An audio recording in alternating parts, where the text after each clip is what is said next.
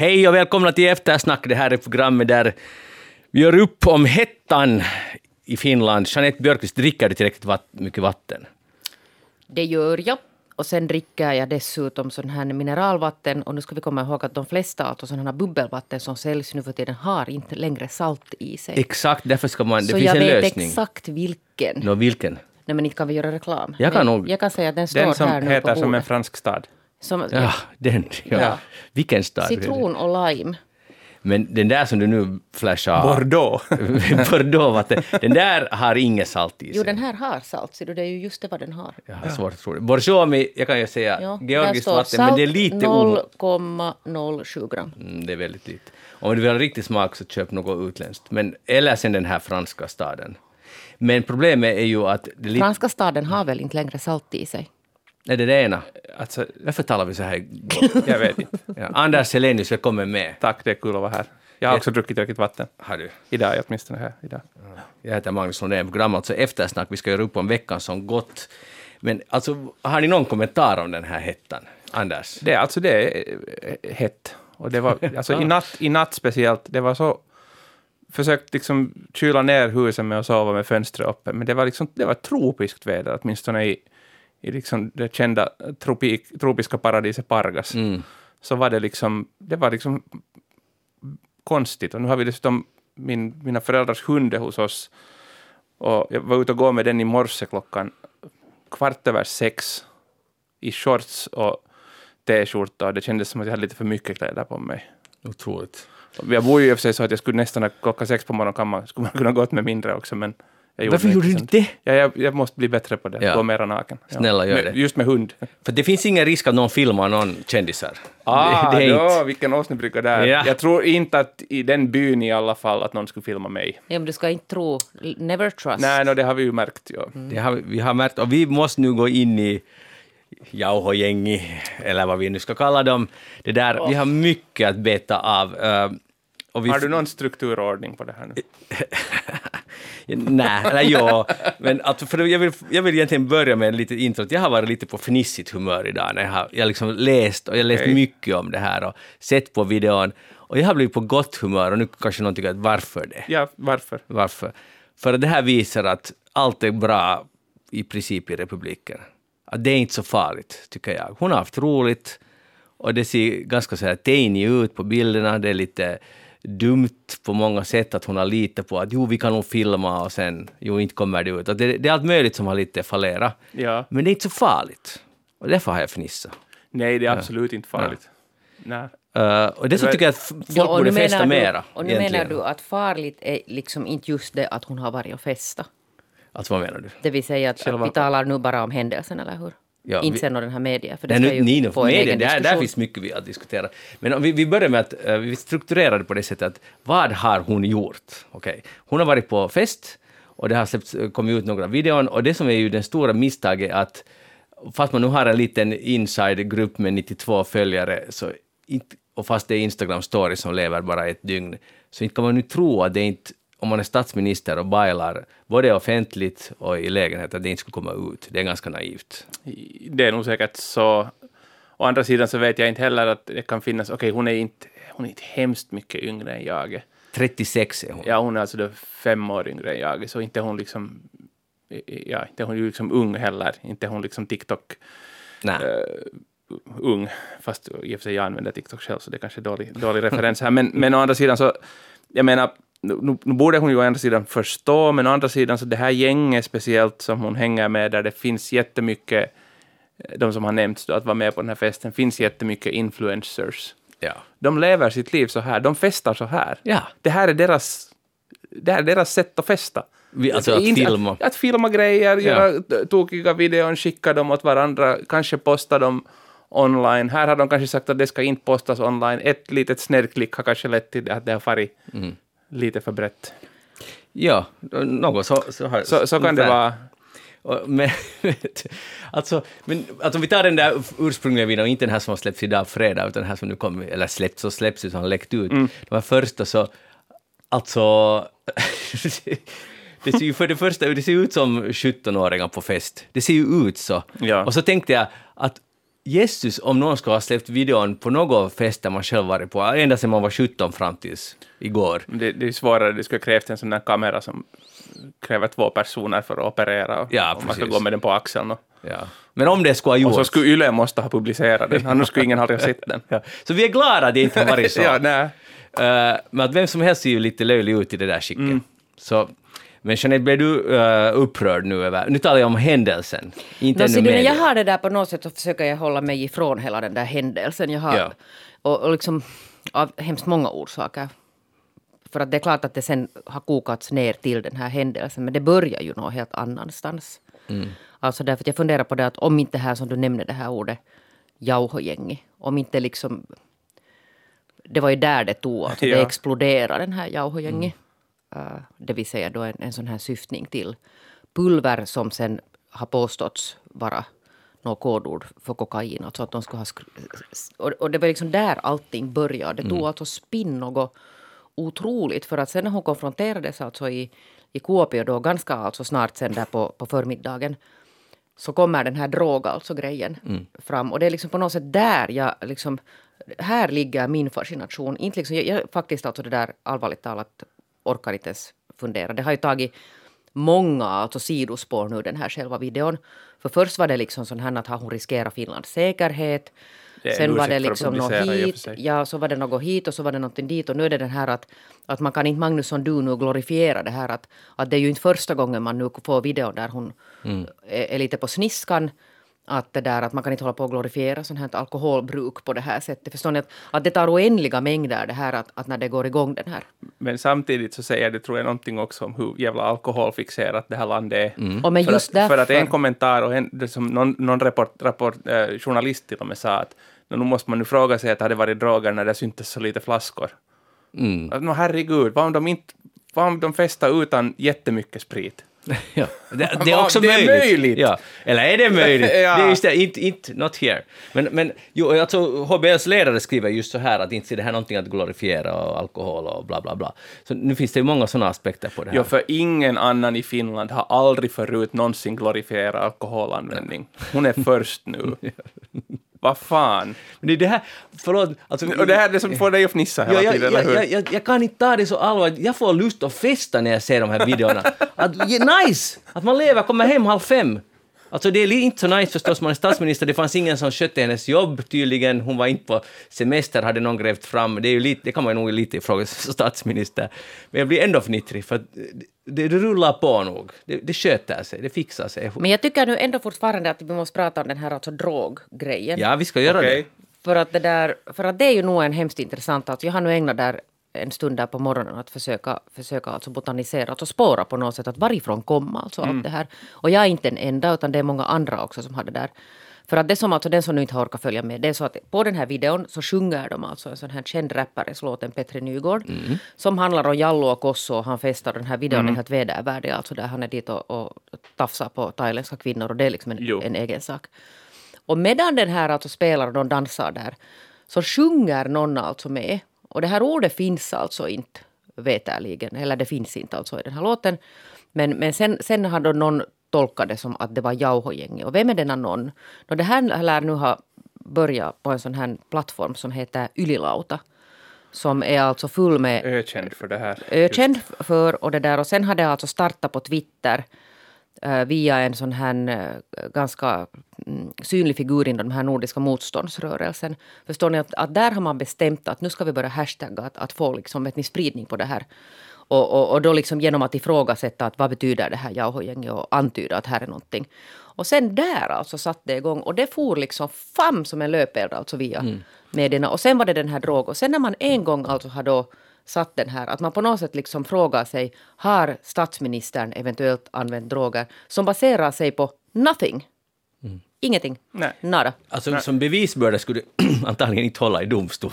Nej. det kan man säga. Men sen alltså märkte ju alltså medierna under gårdagen, för att sen var någon så att, att inte sjunger de Jauhogängi utan de sjunger Jallogängi. Ja, Alltså, det, det, det, det är ju det här nu man nej diskuterar. men, och det vet ni, och det är aivan samma. Jo, jo, men, jo, men alltså, det- fast de skulle sjunga Jauhogänget så en sen. Jo, en sen, men alltså förstår ni att, att det där... Att, att nu har man liksom sagt, Relax. att man har kastat alltså nu en sån här misstanke. Man har kastat Där den det och- finns ja. alltså. Och det är den som tar fart. Och det var den som gick alltså internationellt igår. Som på riktigt alltså i, i worst case, jag har inte alltså checkat den här. Saku Timonen som, som är ganska duktig på att faktachecka, en jurist alltså, som skriver blogg, Uninpanko Pojka. pojka Timonen, så han har alltså det där, han har screenshotat på den här, där det har börjat på den här Ylilauta. Ja. Det är Och det, där, och, och det är nog alltså, då, då tycker jag nog att, att då behöver nog liksom medierna ta jag, jag är inte journalist eller utbildad inom området, men jag känner igen att det här var satans slarvigt gjort, ursäkta svordomen. Jo, men det här är alltså- nog otroligt, otroligt, om man ska ha så satans bråttom. Ja, och sen alltså igen, det, för, för, för det som hände, alltså jag ska bara säga det, för, för sen började det liksom ändra den här storyn sen under Ja. gårdagen. För då förstod man, då blev det lite så att kanske det inte var liksom Jauhot, kanske det var Jallu. Och sen tar den här nästa spinnen och då kommer man till det här att får hon, får hon festa och får hon hit Och sen och kom det ju, en, det kom ju dessutom sån här, liksom, jag vet inte, åt mig åtminstone pusha någon algoritm att lyssna själv och, Mm. och välja vad hon... Nej, jag skulle inte kunna bry mig mindre. Jag gjorde det. Du gjorde det! Men för att jag, jag såg det som helt, helt och hållet som uh, oskyldig underhållning, Men, förstår plö, ni? men plötsligt var hela Finland något jävla Jo. CSI som Kyllä. sitter och lyssnar Ja. av några kurvor och, Och det är det som är saktar så ner och komiskt. snabbar upp och ändrar frekvenser. För, för, alltså, såg ni det här, alltså bottennappe var ju Iltalehti, någon anonym ljudtekniker. Jag hoppas att det är inte Micke Andersén som vill ha. Nej. Han förnekar det. Det var inte han eh, som är ljudtekniker idag. I alla fall, eh, som, som uttalade sig, som gjort något, det var något jättesistigt ord, vet du, det hette något vad var det nu det där ordet? Inte Sputnik, men något ditåt. Ja, okej. Metoden, och där man kan höra konsonanter och, och ni vet att man kan liksom faktiskt via kurvor, man hör sånt som öra inte hör. Och han sa, enligt Iltalehti, anonyma, Anonyma. killen, att det är Jauho-gängi. Och han analyserade av vad han, och det är ju möjligt. Men, men igen, att vad, vad, vad betyder det? Fast någon, någon, någon, typ ropar. Men okej, du- du vet, så här, det, det är så mycket i det här, hela härvan de här två senaste dagarna som jag tycker att det är ganska nollåt faktiskt. Pinsamt. Pinsamt, ja. Ja. Det är pinsamt att, att Sannfinländarnas ordförande säger Ja. att statsministern ska gå på drogtest. Jo, jo, det är det är pinsamt. så sjukt. Och Mikko Kärner, riksdagsledamot Centerpartiet. Det är så pinsamt Att det de vore säger- klokt att... Och sen sa han, jag har inte krävt att hon ska säga, jag har sagt att det nej. vore klokt. Precis, men vad, ska vi börja testa? Vi kan ju börja testa för fast vad och säga att det vore klokt att testa för ja. det ena och det andra och ge Ja. ut sjukhus. Det är ju helt knäppt. Ja. Men också det att om det skulle Ponera att det skulle vara så. Jag har, inte, jag har sett en del, min, min största liksom, kunskap om äh, droganvändning kommer från liksom, fiktion. Mm. Jag ska vara helt ärlig. Det är liksom det där som jag mest känner till det. Så jag vet att man kan inte basera faktakunskap på fiktion, det är fel. Men att de här dagarna går vad som helst. Men jag har sett till exempel på Narcos. Som, Bra. han- Research. Research. Jag Ja. har sett på Narcos, handlar Ja. alltså om Pablo Escobar och droggängerna där och de tar droger och, och så vidare. Uh, och Trainspotting har jag sett många gånger, Mm. fram och tillbaks uh, till exempel. Och, och det är liksom det här att det skulle finnas en sån här drog, att de skulle ha ett sånt gäng som skulle liksom kalla sig Jauho-gäng. Det låter som, det låter som någon jäkla byggare Bob som har något case på något bageri. Det låter, det låter, vet ni, liksom byggare Bob och mjölgänget. Det låter inte som, plus att de lyssnar på något Petri Nygård, som är sån där konstig jäkla humor-rap. Ja. Och det, liksom, det, det händer aldrig i fiktionen det här. Nej, det händer bara... Det händer bara... Alltså därför, och det är mitt argument att det är så sjukt nollåt att det kan inte vara. Att det borde inte kunna Det borde vara inte kunna Nej, vara så att det skulle på riktigt vara en Men så- alltså nu talar vi Jauho-gäng. sådär som att man ens skulle behöva alltså fundera på den saken. Men man kan, alltså, jag, jag säger, det är helt bra att bygga upp sig med lite underhållning. Och jag, jag, jag tar det här så här så. Men du, du kan ha en annan approach. Det är helt okej. Men, men eh, det vitsiga det blir, och det pinsamma, för att använda Anders ord, blir ju när Hesari till exempel skriver en väldigt seriös ledare om det här, om att, att om det fortsätter så här är Marin endast en skandalvideo från en politisk katastrof. Men det här är ju också intressant. Tänk tillbaka på de statsministrar vi har haft sedan Lipponen. Alla har haft någonting. Nu kommer jag inte på om Mari Kiviniemi specifikt hade någon sån här skandal. Antti Mm. Rinne kanske hade mycket, många blundar. Han uttalar ofta saker fel, så hans kanske var mera på politiska sidan. Ja, eftersom han fick avgå och Eh, ge ja. plats åt Sanna Ja, Marin. precis. Så han, han gjorde mera kanske det. Men alla har haft något här personliga liksom uh, för privatlivet någonting som har varit lite liksom Det kanske beror på att de är människor. Ja, ändå, sist och slutligen. troligen. Eh, men Hesari, alltså det, på tal om att, eller inte på tal om, men de drar ju en ganska hård växel här, för de skriver att, att hon umgås tydligen då med sådana här mm, pinta-julkiksia, alltså vad ska man kalla det, ytliga kändisar. Alltså, det är att fördöma en hel, alltså utan de vet egentligen någonting om de här människorna. Alltså, det kan ju vara hennes bästisar, hur, inte vet man någon hur, hur djupa de är innerst inne. Alltså förstår ni, jag tycker också det är ganska löjligt att, att, att uh, avfärda hennes kompisar på Ja, det här precis. sättet. Att man, man har en bild eh, av att alla de som då hängde på, på hoverna i, i eh, Frankrike och, och eh, Stockholm och eh, Sankt Petersburg och, och fast var att de var, all, de var ju intelligentsia, men inte behövde ju vara att de var nödvändigtvis hemskt intelligenta för det inte. Nej, De inte- kanske var likadana pintajulkixiga de också. ja. Så där är, och sen, Att ska, ska varför skulle inte statsministern få hänga med sådana som inte... det, det är en fara för rikets säkerhet. Det måste vara dirigenter och, och liksom... Eftersnackare. Efter, Det skulle nog vara... Ah, jag skulle vilja vara No, på det den är här nog det festen. som det här hela ja, ja, ja. jag. Försöker smöra in mig dit. Men det, det, jag tror inte att det kommer en inbjudan. Men alltså, för att vara seriösa här så... Uh, medias behandling är ju helt... Det är underkänt vitsord. absolut. Eh, helt på all, nästan alla fronter. Ny Tid hade nu bra text och det har kommit många, många bra texter om så här, försöka analysera medierna. Men jag tänker att, vad kan du, du, du är den enda här som jobbar på en dagstidning. Vad händer när man går in i den här hybrisen och liksom alla försöker tävla med alla? Och Drevet kallas det. drevet, jag vet att det kallas drevet, men hur kunde det gå så här? Ja, alltså så här gick det ju inte. Vet jag. vet det som händer är ju att, att man går alltså igång den här, hur ska jag nu förklara det här, journalistväxeln och så börjar man alltså skabba, alltså tävla med varandra om att vem är först och liksom, hur får man. Och alla hoppar ju på tåget för att ingen vill liksom, det kräver mod att, att, att det där dra i bromsen och, och inte hoppa på. Jag hade en jättebra, min, en av mina bästa chefer någonsin, nyhetschef Mats Lindqvist som nu jobbar i Köpenhamn. Men han sa alltid att sen när alla springer åt ett håll så måste någon alltså dra i bromsen och stanna och springa åt det andra hållet. Men, men det att man har alltså Ibland så... är det samma person eller samma tidning. Ja, att det där precis, eller liksom, vet ni på något sätt att de här tiderna av sociala medier, när, när det där på något sätt sådär att, att man har böjt sig inför det här att de här nyheterna händer på sociala medier, man hoppar på dem, så det kan nog ställa till lite bekymmer ibland. Men Det var annat då på den tiden när det var Men jag tror, det, papperstidning jag tror någon, någonstans måste väl, man måste gå till den där källan som du sa, att, att det som kanske här också främst fel är det att den där ursprungliga nyheten där det här Jauho-gäng, och det är ju det som har gjort det stort alltså, det är ju det som har gjort att det har svällt upp vad den här liksom förbjudna substansen som, som liksom någon har hittat på att kanske fanns där. Ja. Det är ju det som startar hela grejen. Men att där att medierna inte skulle borde få använda liksom någon skrev på internet som en källa. Jag vet inte om det här går på något sätt att reglera, men det är ju helt eh, galet. Att någon anonym eller, eller liksom att någon anonym källa på nätet kan fungera liksom som trovärdig källa. Det liksom Ja, och sen är grejen det att, för att alla hoppar på det här drogspåret igår. Alla. Ja. Och sen att man sen ändrar, vet ni, den här på något sätt diskursen sen under dagen när man märker att oj, att här kanske lite nu det skakar den här grunden här. Och sen går man till det här att, att det, där, det var nu den här att får en statsminister hålla på så här och vem umgås hon med och, och det här att man liksom ändrar sen berättelsen och försöker fejda bort att var det egentligen var man själv började.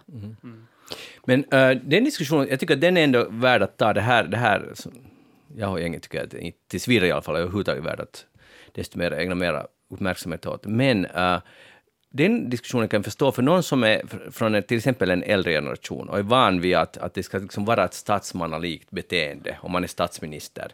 Så för en sån person är det här nog ändå ganska sådär, oho, man ser en video där man dansar och, och, och vad man nu gör, både offentligt och på fest och, liksom, och, och, och privat fest och sådär, så kan det se lite konstigt ut. Så vad, har, har ni några hälsningar till dem? För, för det tycker jag att är en Nej, helt, är helt ju- okej diskussion. Jo, Nej, och det jag är ju att- ja, jag skulle bara säga det att, det där att, att det är ju inte så att det här inte skulle ha hänt alla tider. Nej, nej, men nu, Men, men skillnaden är det att nu har det gått ut att, att, att nu liksom gå helt, alltså så, för hon vill ju själv, hon är ju lite sådär distant till, till journalisterna och, och lever liksom via sina egna sociala mediekanaler, alltså det här livet och, och det där. Nu syns det på ett annat sätt än vad det har synts tidigare. Eh, men, men tar det här ner värdigheten från politiken till exempel? Att man ty, tycker att det är inte, hon är inte seriös.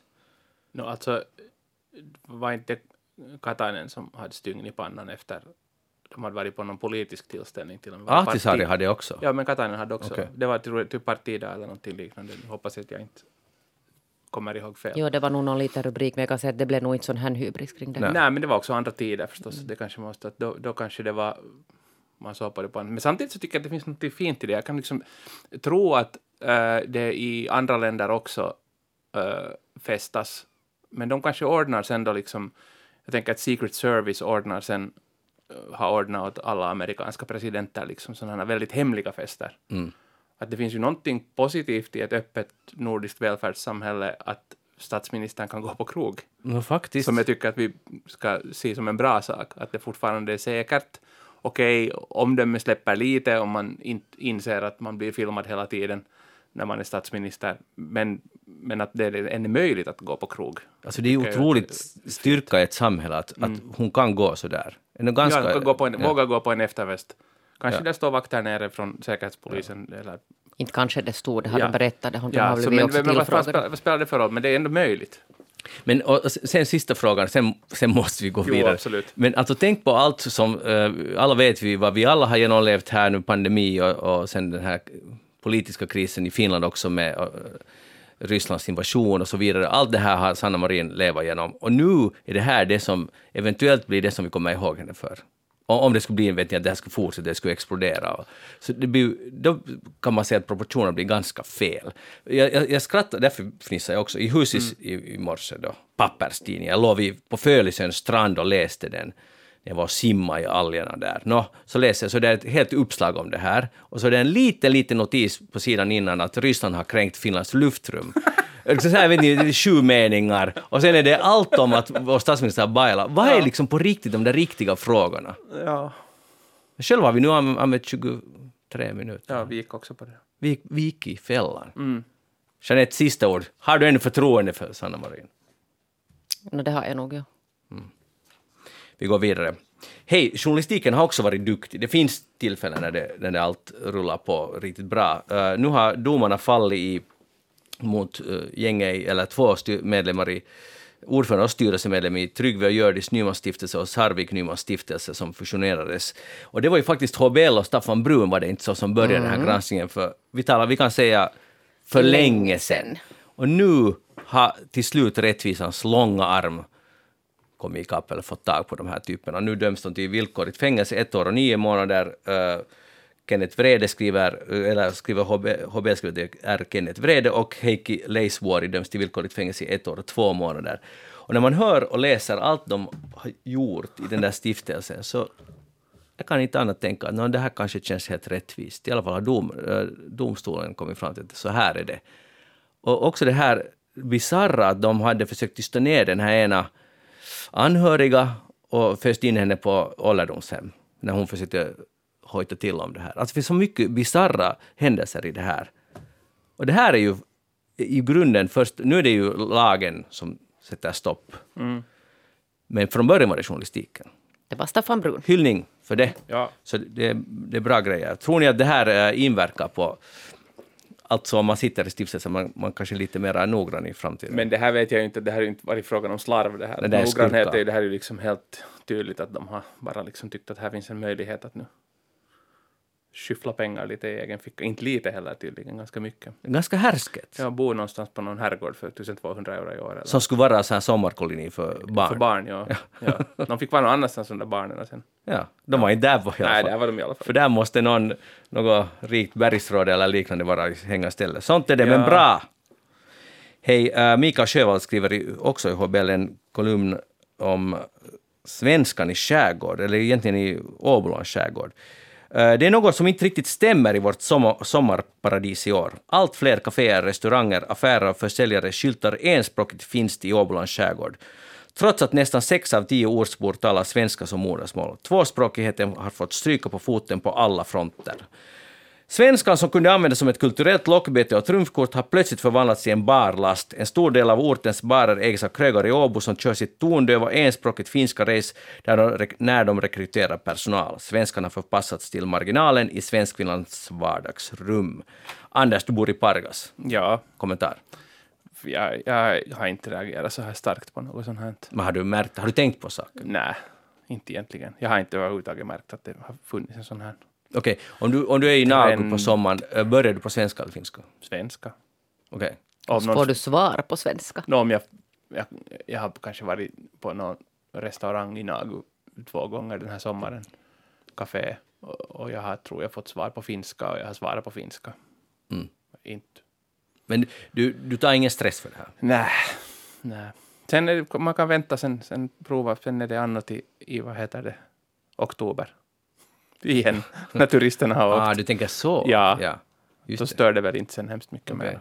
För jag tar lite stress för det här. Tar du? Ja, eller jag, stress är nog fel ord. Jag blir liksom irriterad. Jag tror inte Av samma argument, med samma men, men argument. jag, då, då jag inte på något sätt tror att det handlar om att, det inte, äh, att man inte vill det, utan jag tror faktiskt att det inte finns Ja. personal.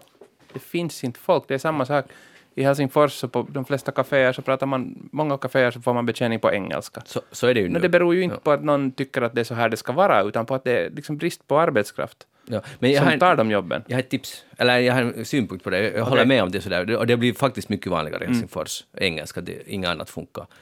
Och, men i Pargas till exempel, om jag går till en matbutik, i, i den där stora, är det ena, stora Ja. butiken, så ganska ovänligt bemött blev jag när jag frågade något helt ungefär var är toapappret? Liksom ett jättefräsigt svar. Ja. Och, och sen skrev jag till köpmannen att, att på riktigt, att var, varför är det så här? Nu kan man inte alls gissa vilken butik det handlar om. Nej. Så att det är en köpman. Nåja, no, Ja. skrev. Och han svarade ganska så här, han skrev, svarade ungefär med ditt argument, det finns inte personal. Ja. Men, och det är omöjligt att hitta. Och för det första tror jag inte riktigt på det, men vi, vi säger att det är sant, för han vet ju mer än det än jag Ja. om det.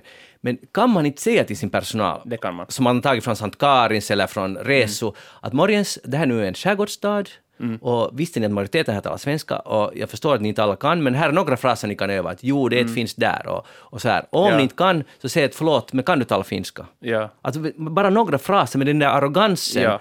mot en majoritet av de som bor där. Mm, det är nog sant. Att det, det är det uh, som jag tycker att det är jättekonstigt, att, att, det, att det bara liksom rinner ut. Och Lidl som Sjö- Sjövall tar, som exempel, så är det samma sak där. Det beror helt på människor, man kan få jättebra service Mm. där, eller alltså på svenska, eller sen inte.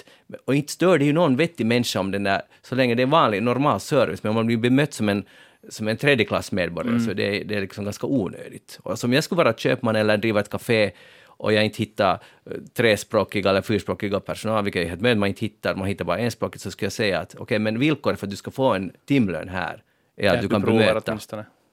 kunder som kunder. Mm. Jeanette, Jo, blir det du irriterad om du är i Korpo och ska köpa en bische och, och så går det inte på svenska?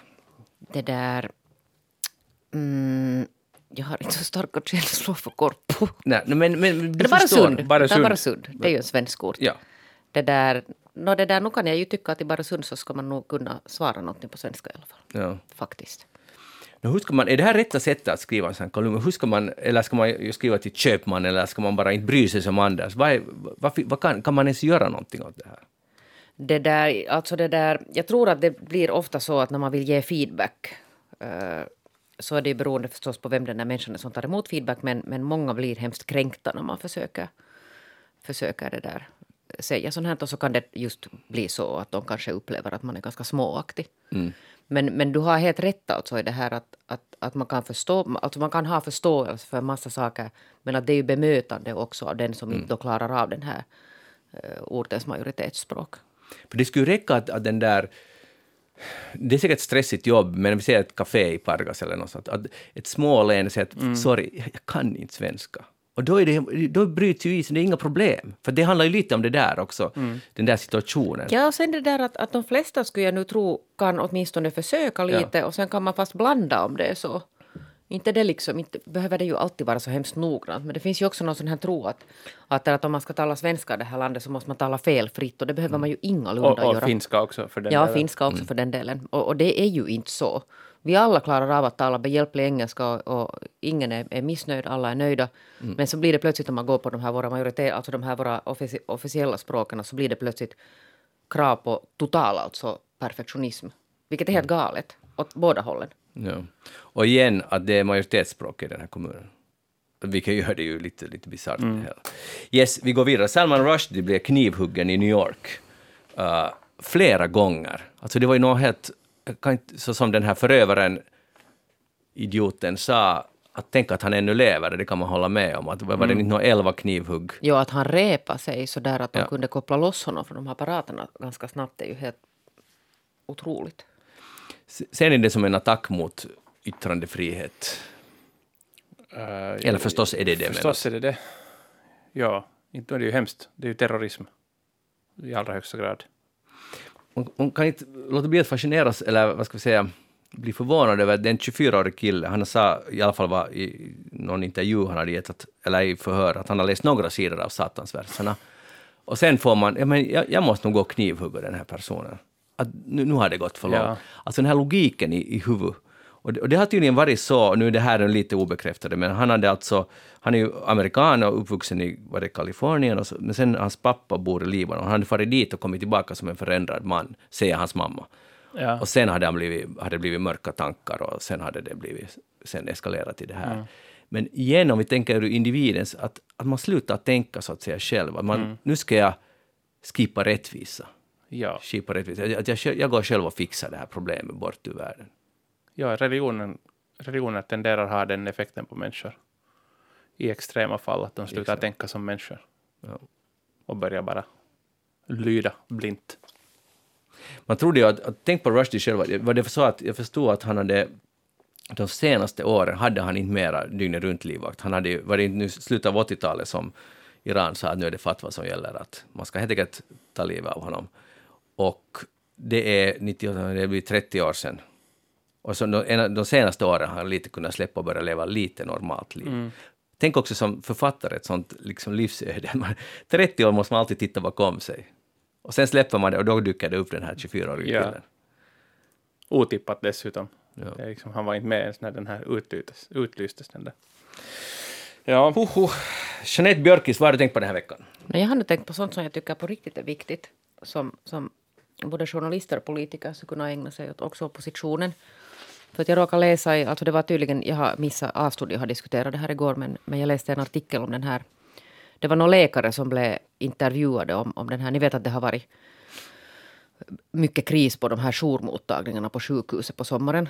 Och det där så var det Menar du personalbrist eller hurdan kris? Jag ska just berätta. Ja, alltså det vill säga alltså just det att, att man inte kommer, det har stått ambulanser alltså på vissa håll i kö för att alltså det finns helt enkelt inte platser, att de är helt proppfulla.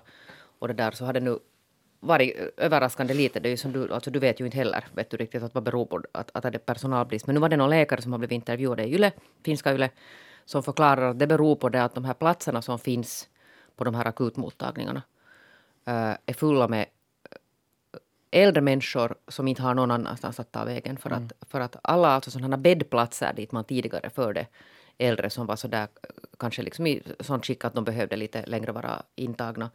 Eller som man alltså tidigare skulle ha kunnat sätta i någon sån här, uh, sån här dygnet runt servicehem. Så det där, det finns inte sådana platser.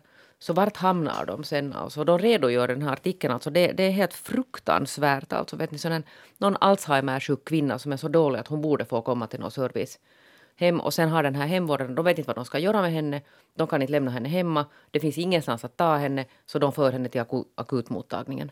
Men förstår mm. att, att, att, att, man liksom fyller upp, att, och de sa att det har tio dubblats på några år, det här antalet människor, alltså gamla som, som, som inte behöver de nu i princip alltså verkligen ligga på, på akutmottagningsplatser, men när det inte finns några andra ställen att, att sätta dem på, när de inte alltså klarar sig hemma mer. Och det är ju helt crazy, det här ska vi ju tala om.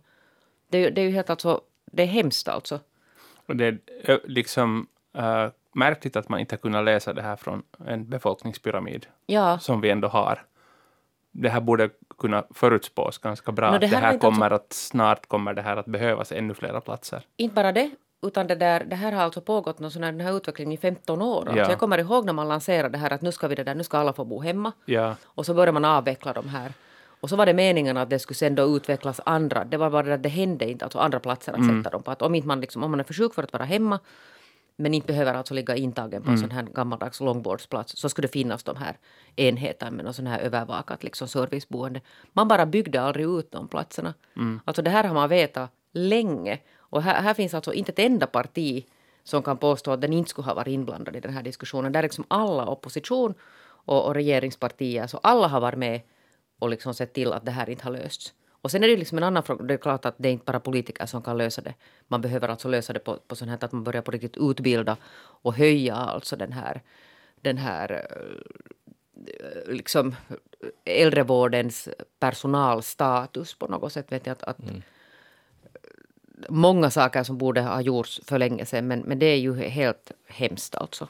Men vet, vad händer i praktiken med dem, nu under sommaren när det var den här krisen, som säkert pågår på ett eller annat sätt, vad händer med dem som förs till akuten när ingen vet vart de, vad, vad händer sen? Men alltså en del av dem måste skickas hem sen. Så det blir en sån här cirkelgång. Ja. Stackars människor. Ja, alltså jag säger stackars människor. Det är helt hemskt. Så sa den här ena läkaren så att, att det som har hänt också efter corona för att de har varit så ensamma och blivit olyckliga och så vet de inte riktigt vad de ska göra så de ringer alltså för det finns alltså, de har inga de, de vet inte vart de ska ta vägen så då ringer de alltså efter ambulansen för att få komma till ett sjukhus så att de ska få träffa några andra människor. Det här är alltså våra äldre vi talar om. Och, och medierna håller på med något nå, nå jauhogäng på riktigt alltså. Alltså seriöst. Ja.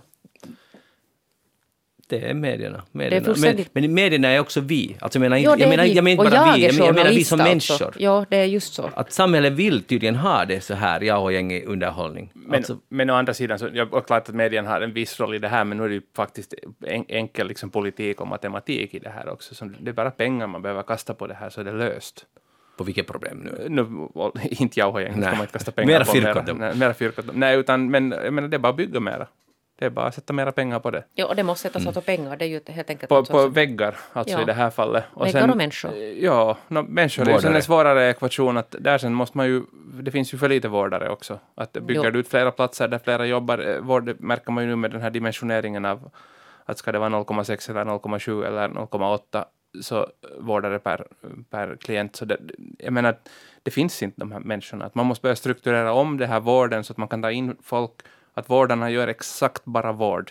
Bara det som du behöver kompetens till. Och sen borde du få in annat folk som sköter Stödpersonal. stödpersonal som sköter allt det andra. Och kanske inte kräva att de alla måste vara utbildade närvårdare, utan att sådana som nu vill sadla om och börja göra något annat eller bara vill, eh, inte vet Ja, jag. till exempel assistenter har ju en extremt viktig roll i sådana här boenden. och, sam, De och sen inte liksom vara- säkert börja trissa upp lönerna. Nu måste man väl göra det också för att få flera att söka till, till sjukstuderande, sjukskötarutbildningar. Och, Men det måste ju ändå vara... eh, och läkare behövs också. Det finns för lite läkare också.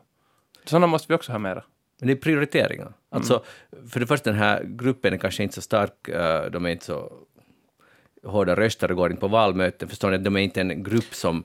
Jag vet alla har Du anhöriga. menar de här äldre, ja. De äldre, ja. De kräver ju De- sällan någonting. Ja, de går inte ut och demonstrerar eller skriver på sommar på det sättet. Och sen, men, men, om corona lärde oss någonting, vilket jag tror att många är förvånade över om man tänker efter, hur mycket pengar det sen fanns att satsa när det var kris i samhället och, och restauranger var i kris, eventföretag var i kris, alla var jätteilla ute. Och det pumpades ganska mycket företagsstöd, vilket jag tycker var helt bra. Men det fanns pengar att tillgå, skuld, lånepengar visserligen, men om vi nu skulle prioritera det här så skulle det vi man skulle kunna lösa det här genom att nu gör vi en massiv satsning, på samma sätt som vi nu borde satsa på förnyelsebar energi, helt otroligt mycket nu. På samma sätt som vi lyckades satsa på alla de här företagen borde man satsa på det här sjukvården och på energifrågan nu. För att det är sånt som kommer att löna sig i längden. Vi Jo, kan få det en helt alltså- grym katastrof av det här. Jo, och det är nog liksom om man går ner på sånt här helt alltså mänskligt plan, så det, det anstår inte en demokrati att behandla äldre människor på det här sättet. är alltså sådana som har betalat skatter hela som har livet. betalat skatter och byggt upp det här landet. Mm. Jag tycker att det är helt alltså skandalöst, så jag har nu varit lite på varv. Finns det, någon, finns det någon som satt i A-studio, om du såg det, eller Nej, i, jag såg inte, du, den- som det sen det. säger att här är lösningen, att nu gör vi så här. Nej, och det finns ju alltså inga enkla lösningar och det påstår ingen, men nu är saken den att, att man har talat om det här i åratal. Alltså jag har följt den här ganska kraftigt i åratal. Och fortfarande är vi alltså här att, att där ligger alltså Alzheimersjuka gummor och gubbar på, på akutmottagningen för att det inte finns någon annanstans att, att vara. För att de inte kan vara alltså hemma mera.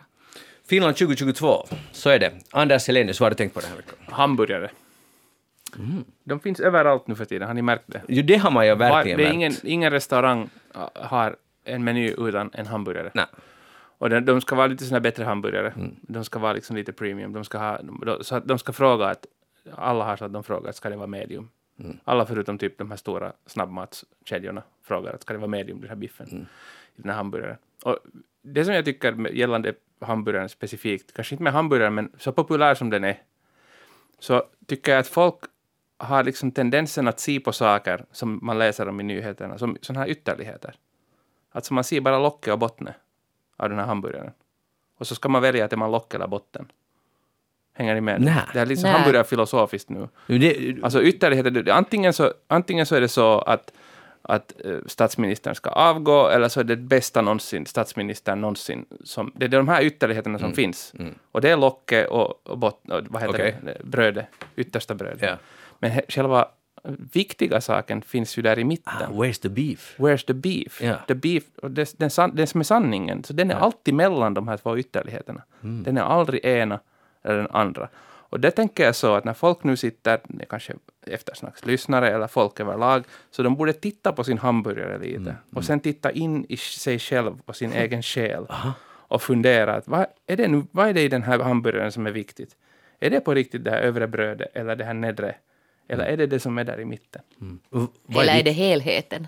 Det kanske är helheten, ja, men det är aldrig bra bara att äta bara de där två bröderna. Eller bara äta en av de två bröderna. Det blir Eller bara aldrig äta bra. fyllningen är nog inte heller bra. Nej. Visst, för då slipper man kolhydraterna.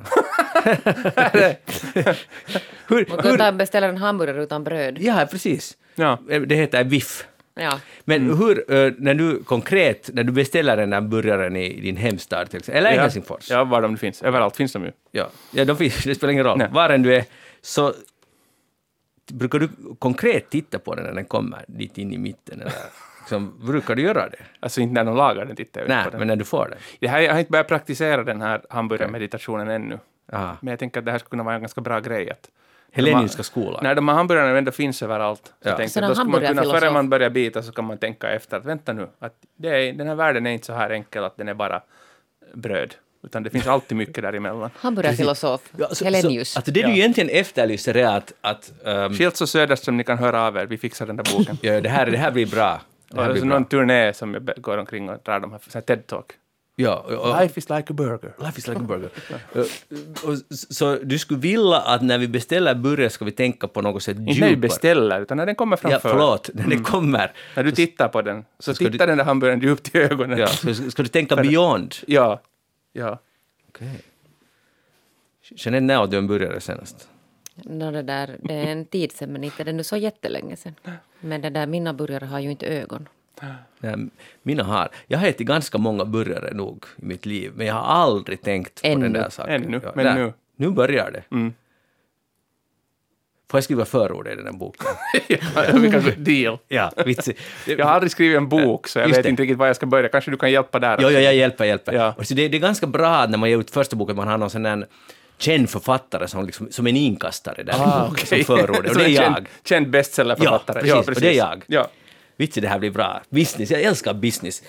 Hamburgare, jag, ska, jag, jag lovar jag ska tänka på det mera nästa gång. Men har du, jag frågade dig och du svarade inte riktigt. Har du själv kommit, tänkt någon klok tanke när du har tittat Nej, på nej, det? inte ska det vara någon klok tanke, utan man ska Aha. bara liksom komma ihåg en stund att hej, att den här världen är inte bara liksom Ah, det ytterligheter, utan det finns annat här emellan också. Och det är ju så sant. Och så ska man komma ihåg det. Men världen är ju nu sån, Mm. som du sa, att vi vill, tydligen vill alla bara ha ytterligheter. Jo. Så som, men den- som Niinistö försökte säga här lite, att de flesta är där i mittemellan. Ja, men, men det han- verkar inte så. Men han förstod inte hur man ska uttrycka en sån här tanke. han förstod inte metaforen som man ska använda till det här. Men nu, nu har det gått hem. Ja. Nu har det Kanske han hör det här, då blir det nu anställd som här specialrådgivare dit. Det kan nog vara. Det är nästa steg sen. Ja. Boken ni- först, sen boken med Magnus Lundén som förord. Mm. Går ni ofta på afterwork?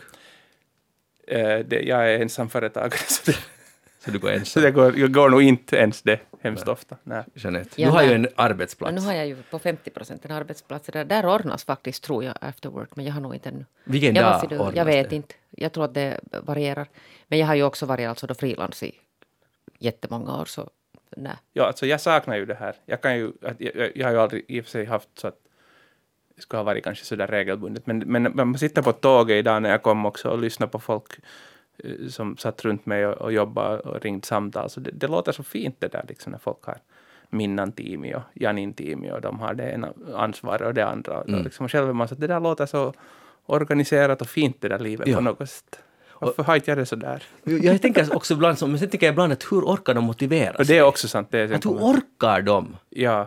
I, att ingå i någons team som nå, en företag som någon annan äger. Ja. Alltså, det, jag är lite beundrad om den här Ja. segheten hos Ja. människor. Men också det där att, att ha ett sånt här gäng som man går på after work med. Det låter också ganska kul på något Ja. sätt. Men för att nu har jag läst en artikel om att det där, eh, det håller på att helt gå åt pipa med after work. Är det så? på fredagar. För tydligen är det, eller det är ju då i Storbritannien, eller England i alla fall, en lång, lång, lång tradition att på fredag går man till puben med Mhm. sitt jobbgäng, eller kanske med kompisar, men liksom efter jobbet. Ja. Men nu går alla krogar, går, eller inte, många, inte alla, men många går i konkurs, till och med i London, för att folk orkar inte mera jobba på Office på fredag, för att pandemin har ändrat allt och alla vill ha den där Ah. fredagen ska vara en sån hemmadag. Man jobbar på distans. Så endast 13 procent går till Officen på fredag. Och det Ah. har förändrat allt, för det betyder att de här krogarna inte får de här fullsmockade krogarna på fredag kväll. För de är inte nära kontoren. Nej. Eller de är nära kontoren och folk sitter någonstans ute i förorten. Och, Ja. De är vid kontoren i city, men folk är i, orkar inte pendla just den där fredagen. och, och det går inte att flytta den här afterworken till torsdag. Ja, det var det jag tänkte, borde man försöka justera om det. Men då är det ju att, som att erkänna att veckan är slut på torsdag. Det vill inte Ja, arbetsgivaren. Nej, det är förstås det. Jeanette, du ser lite... Det måste liksom after work vara på sådär som avslutning på veckan. Alltså jag tror att den här... Jag tror inte i Finland där, jag är så har faktiskt. när, där jag har varit så kan det vara på tisdag eller, eller när som helst när någon får för sig att Ja. det skulle vara roligt att ta ett glas vichyvatten. Ja, eller bourgeois. Nu när vi, nej, ja, ja, just det, nu när vi inte ska glorifiera alkohol. Nej. Men där, där kan jag ju tycka att det är kanske är ganska bra. I Finland så är det ju på fredag ska du tidigt hem och äta Tex-Mex med familjen eller någonting. Ja, på inte- fredagar. På ja. fredagar.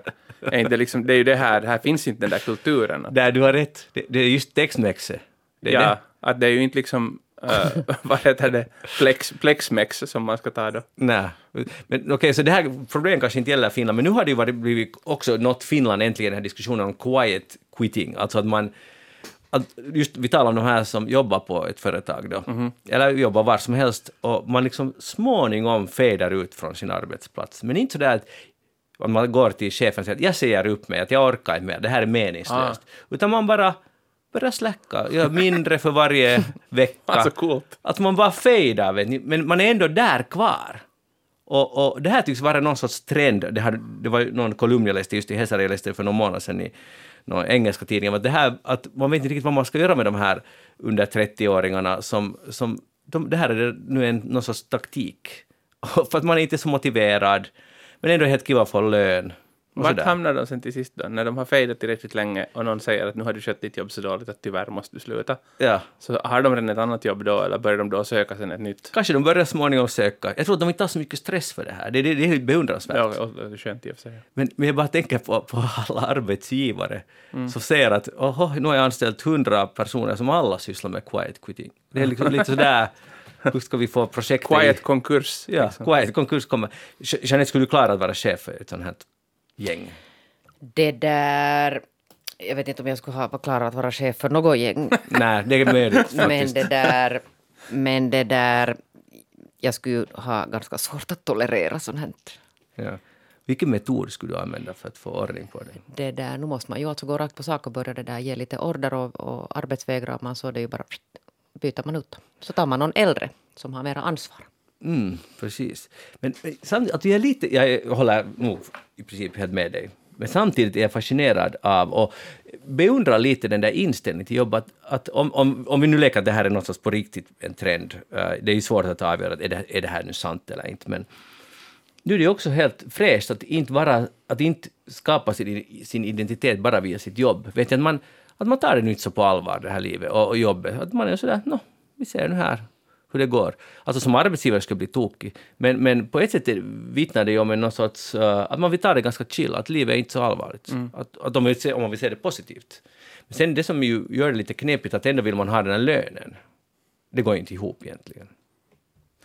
Mm. Orätt, känns lite kanske orättvist. Tänk att du skulle ha till din, för du vet inte, har du anställda i ditt Ja. företag? Hur många är det? No, vi är inte så många. No, Okej, men att det skulle kännas jättemycket i din Väldigt plånsa mycket. förstås som om det börjar. Alltså vansinne skulle komma väldigt snabbt hos Jo, Magnus. jo. Ja, ja. Han skulle till exempel betala sig själv i tredje person. Ja, han Ja. skulle göra sånt kan hända. Det är en av de första symptomen. Ja. Nej, du har rätt. Vi, det är dags att gå vidare. Hej, jag, jag tänkte tala om att be om ursäkt. Eh, för 50 år sedan så eh, fick eh, Marlon Brando en Oscar. 1973. Det var första som... eh, Det var ett bra år. du är född då. Mm.